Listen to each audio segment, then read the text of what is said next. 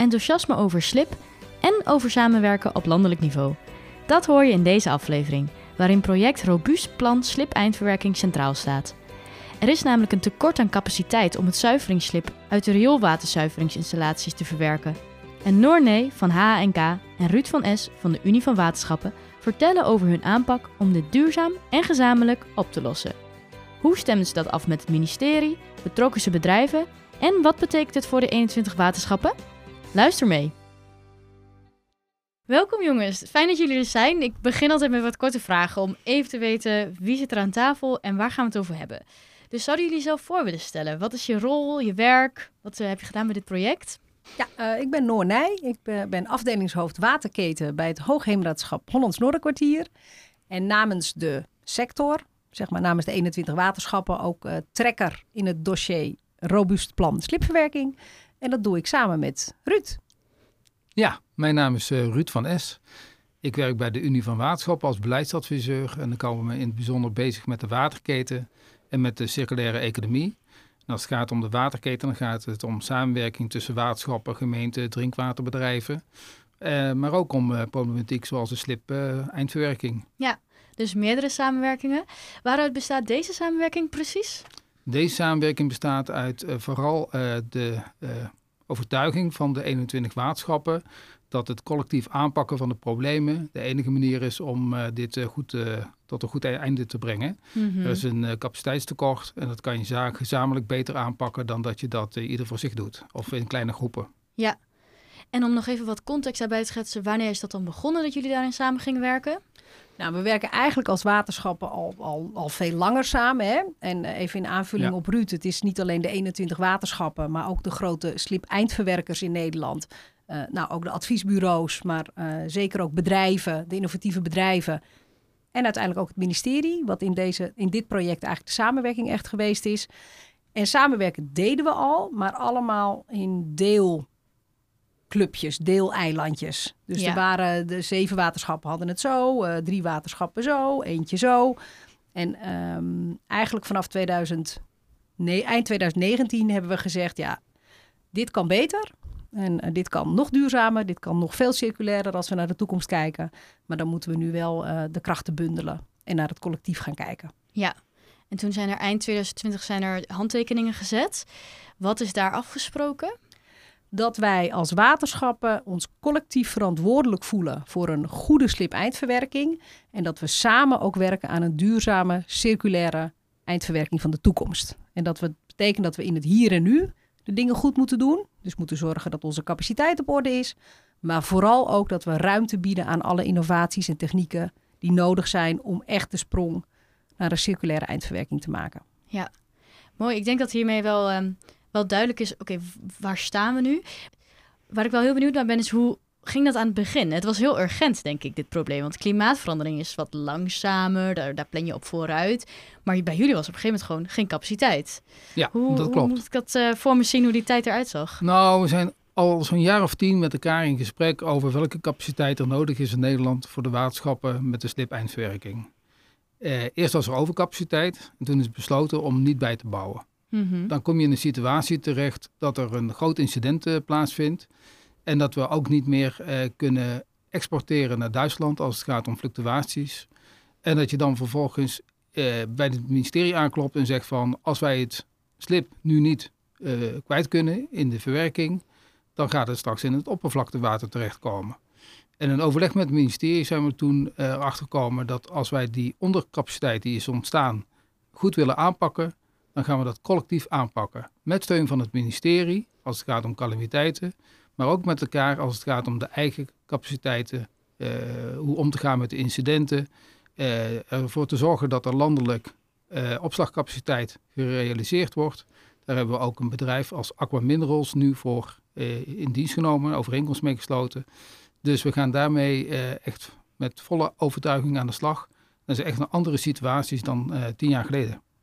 Want wat zou er zijn gebeurd als je dit niet doet? Als je door zou zijn gegaan zoals, zoals het eigenlijk al ging? Nou ja, misschien even als voorbeeld. Hè? Want ik ben, ik ben trekker van dit traject, maar ik ben ook hoofd van de waterketen uh, hier binnen HNK. Wij zuiveren al het water van de inwoners en bedrijven boven het ei, inclusief Tessel. En wij maken elke dag acht vrachtwagens van ongeveer 25, 30 kuub slip.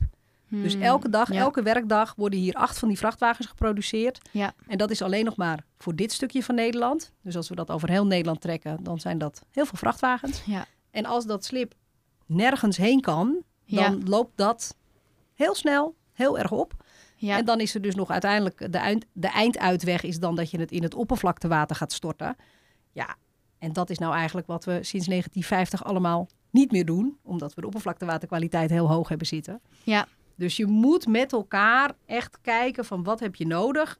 En tegelijkertijd, hè, wat Ruud zei, je wil geen overcapaciteit bouwen, want het is ook nog eens heel duur, slip verwerken. Elke ton slip die verwerkt wordt, kost toch tussen de 80 en de 100 euro. Hm, Dat is heel veel geld. ja. Ja. Ehm, dus te veel capaciteit maken kost heel veel geld, maar te weinig kost ook geld. En, en dat is eigenlijk precies het spanningsveld waar we ineens in 2018 eh, in zaten.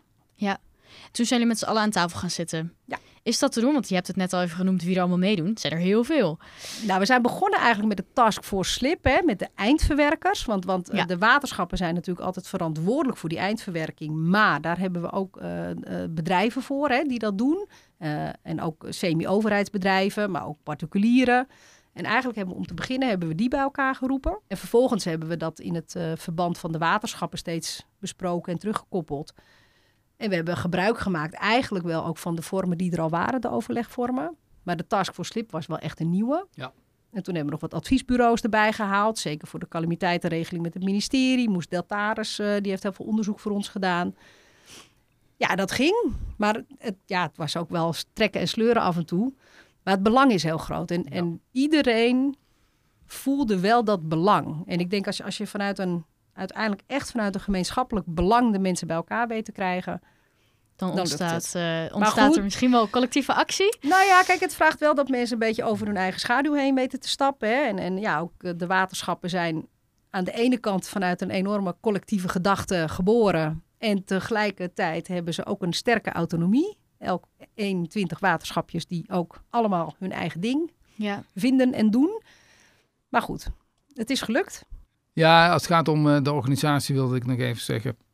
Eh, bij de organisatie hebben we een eh, overeenkomst gesloten met Aqua Minerals. Omdat we dus niet dat alleen via de Unie wilden doen. Maar ook niet volledig wilden overlaten aan de markt. En het is een samenwerking geworden vanuit de Unie met een bedrijf. Zodat we het in de markt hebben kunnen wegzetten. En dat is Aqua Minerals geworden. En eh, dat is ook op een hele prettige manier eh, tot stand gekomen. En die hebben ook alle vertrouwen in dat we dit eh, de komende jaren heel goed met elkaar eh, gaan eh, uitvoeren. En Aqua Minerals is een bedrijf dat eigenlijk van oudsher altijd voor de drinkwatersector eh, de, de reststoffen weer zo goed mogelijk probeerde te vermarkten. Hè, bij, bij, zowel bij het, eh, het rioolwaterzuiveringsproces als bij de drinkwaterbereiding eh, komen best veel reststoffen vrij. Mhm. Nou, Slip kan je ook als een soort van reststof zien. Ja. Ehm, en Aqua Minerals, eh, ja, die doet dat al vele jaren voor de drinkwatersector. Inmiddels doen ze dat ook voor een aantal waterschappen. En we hebben eigenlijk eh, deze partij gekozen omdat zij eh, ja, de markt heel goed kennen. Ze hebben geen winstoogmerk. Ze doen het ook echt voor het collectief. Ja. En ook zij zijn steeds bezig naar ehm, het kijken naar hoe we die duurzame circulaire wereld als het gaat om, afvalwa- om, rioolwater zuiveren en drinkwaterbereiding vorm kunnen geven. Mm, maar ik heb het gevoel dat waterschappen dan ook nog wel individuele projecten hebben waar ze gewoon mee bezig zijn om hun eigen zuivering te verbeteren. Hoe wordt ervoor gezorgd dat die nog steeds overleggen dan ook daarin met andere waterschappen? Nou, daar hebben wij als, als zuiveringsbeheerders bijvoorbeeld de Vereniging van Zuiveringsbeheerders. Dus dat zijn eh, alle, tw- al mijn twintig evenknieën van de andere waterschappen. Ja, Ja, en zo'n soort netwerk, zo'n stevig netwerk, dat, ja, daar breng je het steeds samen. ja, ik heb het gevoel dat jullie al best wel veel Mhm. samenwerkten. Wat maakt dit dan toch zo anders? Nou, omdat je dus 21 zelfstandige overheden hebt en dat je collectief die stap zet om de verantwoordelijkheid voor een van je taken eh, met elkaar tot een eh, goed einde te brengen. Dus- En dat is toch wel een flinke stap. Dat hebben we in het verleden al eens een keer gedaan met de muskenschatten. Maar dat gebeurt niet snel. Nee. Overheden zijn eigenlijk gewend om dat zelf op te lossen. Ze hebben allemaal een eigen gekozen democratisch bestuur. En, en die maken ook eh, eigen keuzes ten aanzien van het geld, de financiering en ten aanzien van het, beleid en, de uitvoering. En dan heb je die taken waarvan je nu dus zegt van, en als het gaat om incidenten en calamiteiten, dan hebben we elkaar nodig en dan houden we elkaar vast en dan komen we er samen uit. En als we dat nu met de slip-eindverwerking op deze manier organiseren en die afspraken hebben gemaakt en de implementatie is nu een succes aan het worden, dan ga je dat vervolgens ook uh, makkelijker doen bij de volgende problemen die zich uh, kunnen voordoen in de toekomst. En het zou ook een voorbeeld kunnen zijn in dat geval voor gemeenten die bijvoorbeeld met uh, taken bezig zijn zoals jeugdzorg. Dat je dat als, als je in de problemen komt, je denkt van dan kan ik alleen als individuele gemeente niet oplossen, dan moeten we dat samen doen. Mm -hmm. Het is vooral Mhm. mensenwerk. Ja, Nou, en even bijvoorbeeld in het robuust plan, hè, wat, wat, wat, wat het wel anders maakt. Want nou, die taskforce slip, die was er niet. Die is echt opgericht om dit plan te maken. En daarnaast, elk waterschap betaalt nu voor het colle- collectieve deel. Dus het is eigenlijk een soort verzekering met z'n allen. Maar er zullen waterschappen tussen zitten die er misschien nooit gebruik van maken. Maar wel daar altijd voor betalen. Mhm. Omdat ehm, ja, het is gewoon slimmer om dat met z'n allen te doen... dan dat ieder voor zich een, een, een calamiteitenregeling en een incidentenopslag moet regelen. En we hebben ook gezien dat als je het samen doet, heb je veel meer speelruimte. Dus Ja. welk waterschap ook een probleem heeft... op maandagochtend kan je een vrachtwagentje gewoon ergens naartoe rijden. ja, wat is het eh, directe effect van mensen die werken bij een waterschap? Wat zullen zij hiervan merken dan? Hoe moet ik dat voor me zien? Ik denk dat er wat rust komt in de bedrijfsvoering. Want het is niet alleen dat we gezamenlijk die, die opslag regelen. Maar we hebben ook gezegd, iedereen moet ook zijn eigen capaciteit op orde hebben. Dus daar gaan we elkaar ook, ook, ook kritisch op bevragen. Daar gaan we ook op sturen. Dus dat moet ook in de toekomstplannen meegenomen worden. Nu is het zo dat, dat de druk op de slipverwerkingscapaciteit is heel hoog. En dat is, het gaat goed, gelukkig. Want ook dankzij dat robuuste plan weten we elkaar zoveel beter te vinden. Dat het veel makkelijker samenwerken is. Eh, Gewoon, hè, joh, ik heb een probleem, kan jij even wat van mij aannemen of niet? Ehm, maar het kost veel energie. Er zijn heel veel mensen op dit moment echt, echt veel met slip bezig. Terwijl als, als, ik denk als we een half jaar verder zijn en die opslag is geregeld, die, dat die is nu in kaart gebracht en dan moet straks een opdracht gegeven worden. Dan is het phew. Nou ja, ik denk dat je. Kijk, het mooie is natuurlijk, wat we willen, is die circulaire slipverwerking in de toekomst. En, en je Hmm. zou willen dat daar alle energie en alle kracht van al deze partijen naartoe gaat. Ehm, dus als we het in het hier en nu rustiger maken, Ja, doordat we met elkaar gezegd hebben, we lossen dat op en we vertrouwen daarop en dat lukt, dan kan al die energie naar de toekomst en naar, naar, naar, de innovaties en, en met elkaar, ja, die betere leefomgeving creëren. Ja. Want daar zijn we van. ja. Maar voordat die rust komt, is dus nu nog wel wat energie ook in de samenwerking nodig. Want jullie hadden het net al even over dat er af en toe getrokken en gesleurd moest worden. Ehm, kun je wat toelichten hoe dat is gegaan en, en hoe dat nu gaat? Ja, het klinkt een beetje gek. Het is natuurlijk voor een overheid ook gek. Want je krijgt bijna een soort van concurrentie. Of, of bijna een soort van ja, maar ik heb het wel op orde en hij heeft het niet op orde. En ehm, ja, daar zit soms ook heel veel oud zeer nog. Of, of eh, ja, door het ene waterschap betaalt ook een hoger tarief dan het ander. En ja, ze betalen al zo weinig en moet ik dan ook. Nou, al dat soort sentimenten. Nou, dat, ja, dat heeft gewoon tijd nodig. En, en wat Ruud zegt, dat is ook echt mensen, mensenwerk. Hè. Dat, dat, dat vroeg ook uiteindelijk om een bestuurder bij de Unie die ervoor ging staan. Dat, dat vroeg om die, om die eindverwerkers die zeiden... ja jongens, maar dit moeten we anders doen. Dat, dat, dat 21 dijkgraven die zeiden ja, dit is, klopt. Mhm. En op de achtergrond een werkgroep die, die ja, veel gepraat, veel bij elkaar, veel stukken schrijven. Al die bestuurders weer bij elkaar. En eh, Ja, nou, Ruud die eh, heeft de deur bij Ja. het ministerie platgelopen. Nou, we hebben het nu vooral over de plannen gehad. En met bij de plannen dan denk je natuurlijk van ja, dat is papierwerk. En dan moeten we maar eens eerst zien of het dan ook eh, daadwerkelijk eh, tot stand komt. Maar je kan nu ook wel naar de resultaten kijken. En de resultaten, eh, bijvoorbeeld Aqua Minerals is nu bezig om een opslaglocatie in het land te regelen. Ik heb donderdag daarover een afspraak. Dat leidt dan tot een overeenkomst van de Unie met de beheerder van die opslaglocatie. Dat wordt een opslaglocatie waar die die 21 waterschappen bij incidenten gebruik van kunnen maken. Dan heb je heel concreet die opslaglocatie beschikbaar in het land. Daar kunnen die vrachtwagens naartoe rijden. En dan heb je ook zichtbaar wat we nu met elkaar hebben afgesproken. Ja. Dus dat is ook voor die mensen in het land, bij die waterschappen, de professionals, maar ook de managers. Dat ze denken van nou, we hebben er vertrouwen in. Dat is nu gerealiseerd. Daar kunnen we de komende jaren naartoe, als het nodig is. Voor calamiteiten zijn we bezig met de Rijksbaggerdepots. Dat is nog een fase terug. We zijn nu bezig om dat eh, verder uit te werken. Deltaris heeft onderzocht en daaruit is gebleken dat het eh, technisch kan. Ja. Dus er zijn geen bezwaren om dat uh, niet te doen. Maar nu moeten we dat nog voorleggen aan de bevoegde gezagen. En dan kunnen we daar ter plekke op twee Rijksbaggerdepots terecht met uh, grote hoeveelheden slip dat verwerkt, dat tijdelijk opgeslagen moet worden om later verwerkt te worden, zodat het niet in het oppervlaktewater komt. Ook dat is dan weer heel concreet, zichtbaar, wat je hebt gerealiseerd, wat je met elkaar hebt uitgevoerd. Dat had geen enkel waterschap met Rijkswaterstaat individueel kunnen regelen. Dat had ook niet een groep van vijf of tien waterschappen kunnen regelen. Hmm. Dat moet je dus met 21 waterschappen met Rijkswaterstaat afspreken om te komen tot die voorziening. En het is vooral wat jij zei van wat, wat, wat maakt nou het verschil? Het, het is aan de ene kant dus mensenwerk. Het is wat Ruud zegt, uh, hard werken en uiteindelijk een concreet, tastbaar, zichtbaar voorbeeld hebben van hoe die samenwerking er dan uitziet.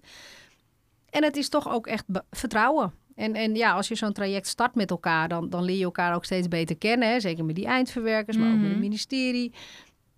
Ja, hoe verder je in zo'n proces komt, um, als je, als je daar aan de voorkant veel tijd en energie toch, toch eh, besteedt aan het definiëren van het gezamenlijke doel. Je moet dat doel scherp hebben. En Ruud en ik hebben een paar keer de bestuurders bij elkaar geroepen, maar ook onze eigen collega's allemaal. En dan, en dan ja, hadden we eigenlijk steeds een soort slipbulletin, noemden we dat dan. Ja, hè? Dus slipconferenties. Slipconferenties. En dan gingen we echt, echt schetsen, joh, hier komen we vandaan. Dit is er gebeurd. Zo ziet de wereld eruit.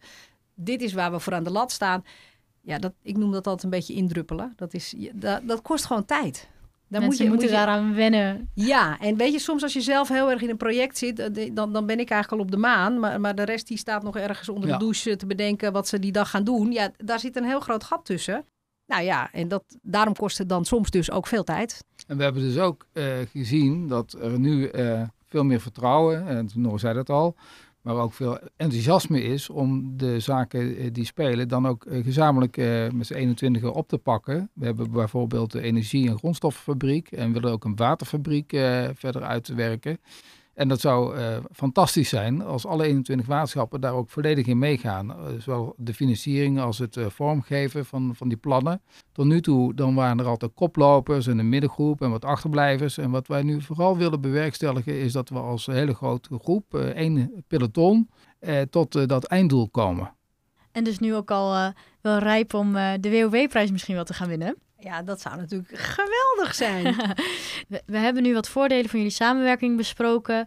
Maar waarom zouden jullie hem nou moeten winnen ten opzichte van alle andere projecten die ook duurzaam zijn en ook. Uh... Omdat, kijk, wat ik altijd fascinerend vind: mensen gaan thuis naar de wc. Je spoelt de wc door en het is weg. En wat mensen um, onvoldoende weten, is dat dat afvalwater of dat rioolwater, dat gaat vervolgens een soort netwerk van leidingen in. Het is ongekend wat er aan leidingwerk in de bodem van Nederland ligt, waar al dat rioolwater doorheen moet. Dan komt het bij hele grote zuiveringsinstallaties terecht. Dan doen we daar allemaal prachtige dingen mee. We halen er allemaal grondstoffen uit. En uiteindelijk brengen we dat water weer terug in het oppervlaktewater voor echt iedereen om er gebruik van te maken en van te genieten. En dat je met slip ehm, eigenlijk ook echt een hele grote bijdrage kan leveren aan die circulaire toekomst. Maar dat je daarvoor dan wel de koppen bij elkaar moet doen. Ja, ik vind het robuustpanslip daar echt, echt een heel mooi voorbeeld van. En het is, het is ook iets om mensen te vertellen wat er eigenlijk met je afvalwater gebeurt als je, dat, uh, met je, hè, als je de wc thuis doorspoelt. Waar blijft je drol? Wat gebeurt ermee? Ja, mensen hebben geen idee van de wereld die daarna komt. En dat is echt een prachtige wereld. Dus het, een superbelangrijk plan wat zich eigenlijk te veel nog achter de schermen afspeelt. Rioolwater is altijd achter de schermen, want het is iets waar je niet over praat en waar je liever niet over nadenkt. Maar het is, het is echt geweldige materie en daar is, daar is wel echt, nou ja, daar is heel veel te winnen. Maar het is ook een schaalniveau dat uh, waterschappen overstijgt en voor het hele land nu uh, georganiseerd is. En dat is toch wel het grote verschil met andere projecten. Ik merk gewoon uh, uit het verleden bij projecten dat het dan uh, op verschillende schaalniveaus uh, speelt. En dat is echt een, nu een, een stap met een extra dimensie, dat je het schaalniveau van het hele land neemt. Ja. En dat wil niet zeggen dat er straks één waterschap moet, moet komen of dat er dan één waterschapsbedrijf moet ontstaan voor het zuiveringsbeheer of voor de slipverwerking. Het unieke wel is inderdaad dat dit een, nou, een, een plan plus een uitvoering is op een heel belangrijk waterschapsthema. Of nou ja, een heel belangrijk Nederlands thema eigenlijk. Want ja, afvalwater of rioolwater maken we allemaal. Um, ja. En het is voor de sector. Ja. En dat is wel overstijgend. Ja, Nog, nog los van de geweldige inhoud van rioolwater. ja, dat is jullie thema natuurlijk. Dat is nog wel een leuke vraag die we eigenlijk aan iedereen stellen. Dus je hoeft niet bang te zijn dat je nu te veel roddelt. Welke andere op, op projecten vullen jullie op? Het leuke is dat Ruud en ik hadden het niet afgesproken, maar we vroegen het net aan elkaar en we hadden allebei dezelfde gekozen. Oh. En Ruud mag vertellen welke dat is. Nou, vooraf, uh, voorop wil ik even stellen dat we alle concurrenten, als ik het zo mag uitdrukken, maar dus alle andere projecten het beste gunnen en uh, hopen tot een uh, goed einde te brengen en veel succes. Als we dan naar de gunfactor kijken, dan is de situatie daar in Groningen bij het bedrijventerrein Even Hoe heet ook alweer? Euvelgunnen. Euvelgunnen. Euvelgunnen, dat is gunnings waarschijnlijk. maar in ieder geval, uh, dat sluit wel aan bij de actualiteit, zoals ik het zag uh, in vergelijking met Valkenburg. Van waar moet dat hemelwater heen, heen op het moment dat je heel veel uh, tegelijkertijd uit de lucht krijgt? Dan moet het in ieder geval niet in het riool, dus dat afkoppelen. En tegelijkertijd had nog, nog een andere invalshoek dat is dat wat ik heel mooi vond aan, eh, aan het stukje tekst wat erbij hoorde. Dat zij dat uh, hemelwater weer als een grondstof beschouwen voor iets anders. En dat past ook wel heel goed in, in de traditie van wat we eigenlijk met het slippen, met het rioolwater doen. Ja. Van afval naar grondstof. Uh, eigenlijk alles circulair, alles wat je maakt, alles wat komt, alles wat er is. Nou, hoe kan je het zo goed mogelijk opnieuw gebruiken? Ja, ja echt een nieuwe manier van kijken naar iets wat normaal misschien als afval wordt beschouwd. Ja, mooi. Dat komt bij jullie ook heel erg naar voren. Ja, ik, ik denk dat jullie daarmee heel duidelijk hebben gemaakt van wat het belang is. Willen jullie zelf nog terugblikken en misschien ook wel een klein stukje vooruitblikken? Nou ja, ik wil eigenlijk alleen zeggen dat ik uh, dat ja, het was best een uh, het was best een klus om het zo maar even te zeggen, maar het is wel ook echt een uh, het is wel echt een project of een, een, een klus waar waar, nou, waar volgens mij heel veel energie op gezeten heeft en nog steeds zit. Ja. En ik vind het wel ontzettend leuk dat ik al die andere mensen zoveel beter heb mogen leren kennen het afgelopen eh, periode. Ja. Dat is wel een, eh, een goed netwerk is het geworden. Dus dat is ook... Uh... Van belang, ja. ja. Ja, en, en, precies wat Ruud al zei, hè? het is nu specifiek voor het slip geweest, maar je bouwt wel in zo'n samenwerking een enorm stevig netwerk op, wat je ook weer voor heel veel andere onderwerpen kan, kan gebruiken. Ja, dus de, in de slipstream. Nou, in de slipstream, ja, precies. In, ja. in, nou ja, hè, de, de olievlekwerking die erin zit, die is wel die is heel groot. Dus dat is wel iets, nou, dat vind ik heel bijzonder. Ja, ik wil ook nog wel uh, een aanvulling doen. Uh, we hebben in het robuust plan vooral het oog op de periode 2020-2025 in verband met de ondercapaciteit. Maar tegelijkertijd gaat de aandacht vooral ook uit naar de periode 2025 en verder. Die stip op de horizon als het gaat om die verduurzaming, innovatie, die mogelijkheden voor de grondstoffen. De waterfabriek noemde ik dus juist al uh, energie uit het rioolwater halen op de RBZT's. Dus het hele proces zoals we dat voor de toekomst zien. Alle innovaties die op ons afkomen en uh, ook de digitalisering. Nou, alles wat, wat nieuw is voor de komende 10, 20 jaar. Dat krijgt een plaats met een hele goede uh, gezamenlijke afstemming. En dat is dus niet alleen gericht op uh, de problematiek van de eerste vijf jaar ondercapaciteit op te lossen met elkaar. Hmm, ja, ja. Dat is de basis eigenlijk voor de toekomst. Ja. Nou, dat vind ik ook eigenlijk al een hele mooie afsluiter. Dank jullie wel. En uh, misschien uh, zien jullie Euvelgroene nog op, uh, op de WOW-dag. Die is 5 november. Maar voor nu in ieder geval heel erg bedankt. En, ja, ehm, graag gedaan. Ja, graag gedaan. Vind jij nou dat dit project uitblinkt in samenwerking? En vind je dat het daarom de WOW-prijs verdient? Ga dan naar platformwow.nl slash WOW-prijs en breng je stem uit. Zorg ook dat je luistert naar de zeven andere genomineerde projecten in onze andere afleveringen. Op 5 november zul je horen wie van hen de WOW-prijs wint tijdens de landelijke WOW-dag voor weg- en waterbeheerders.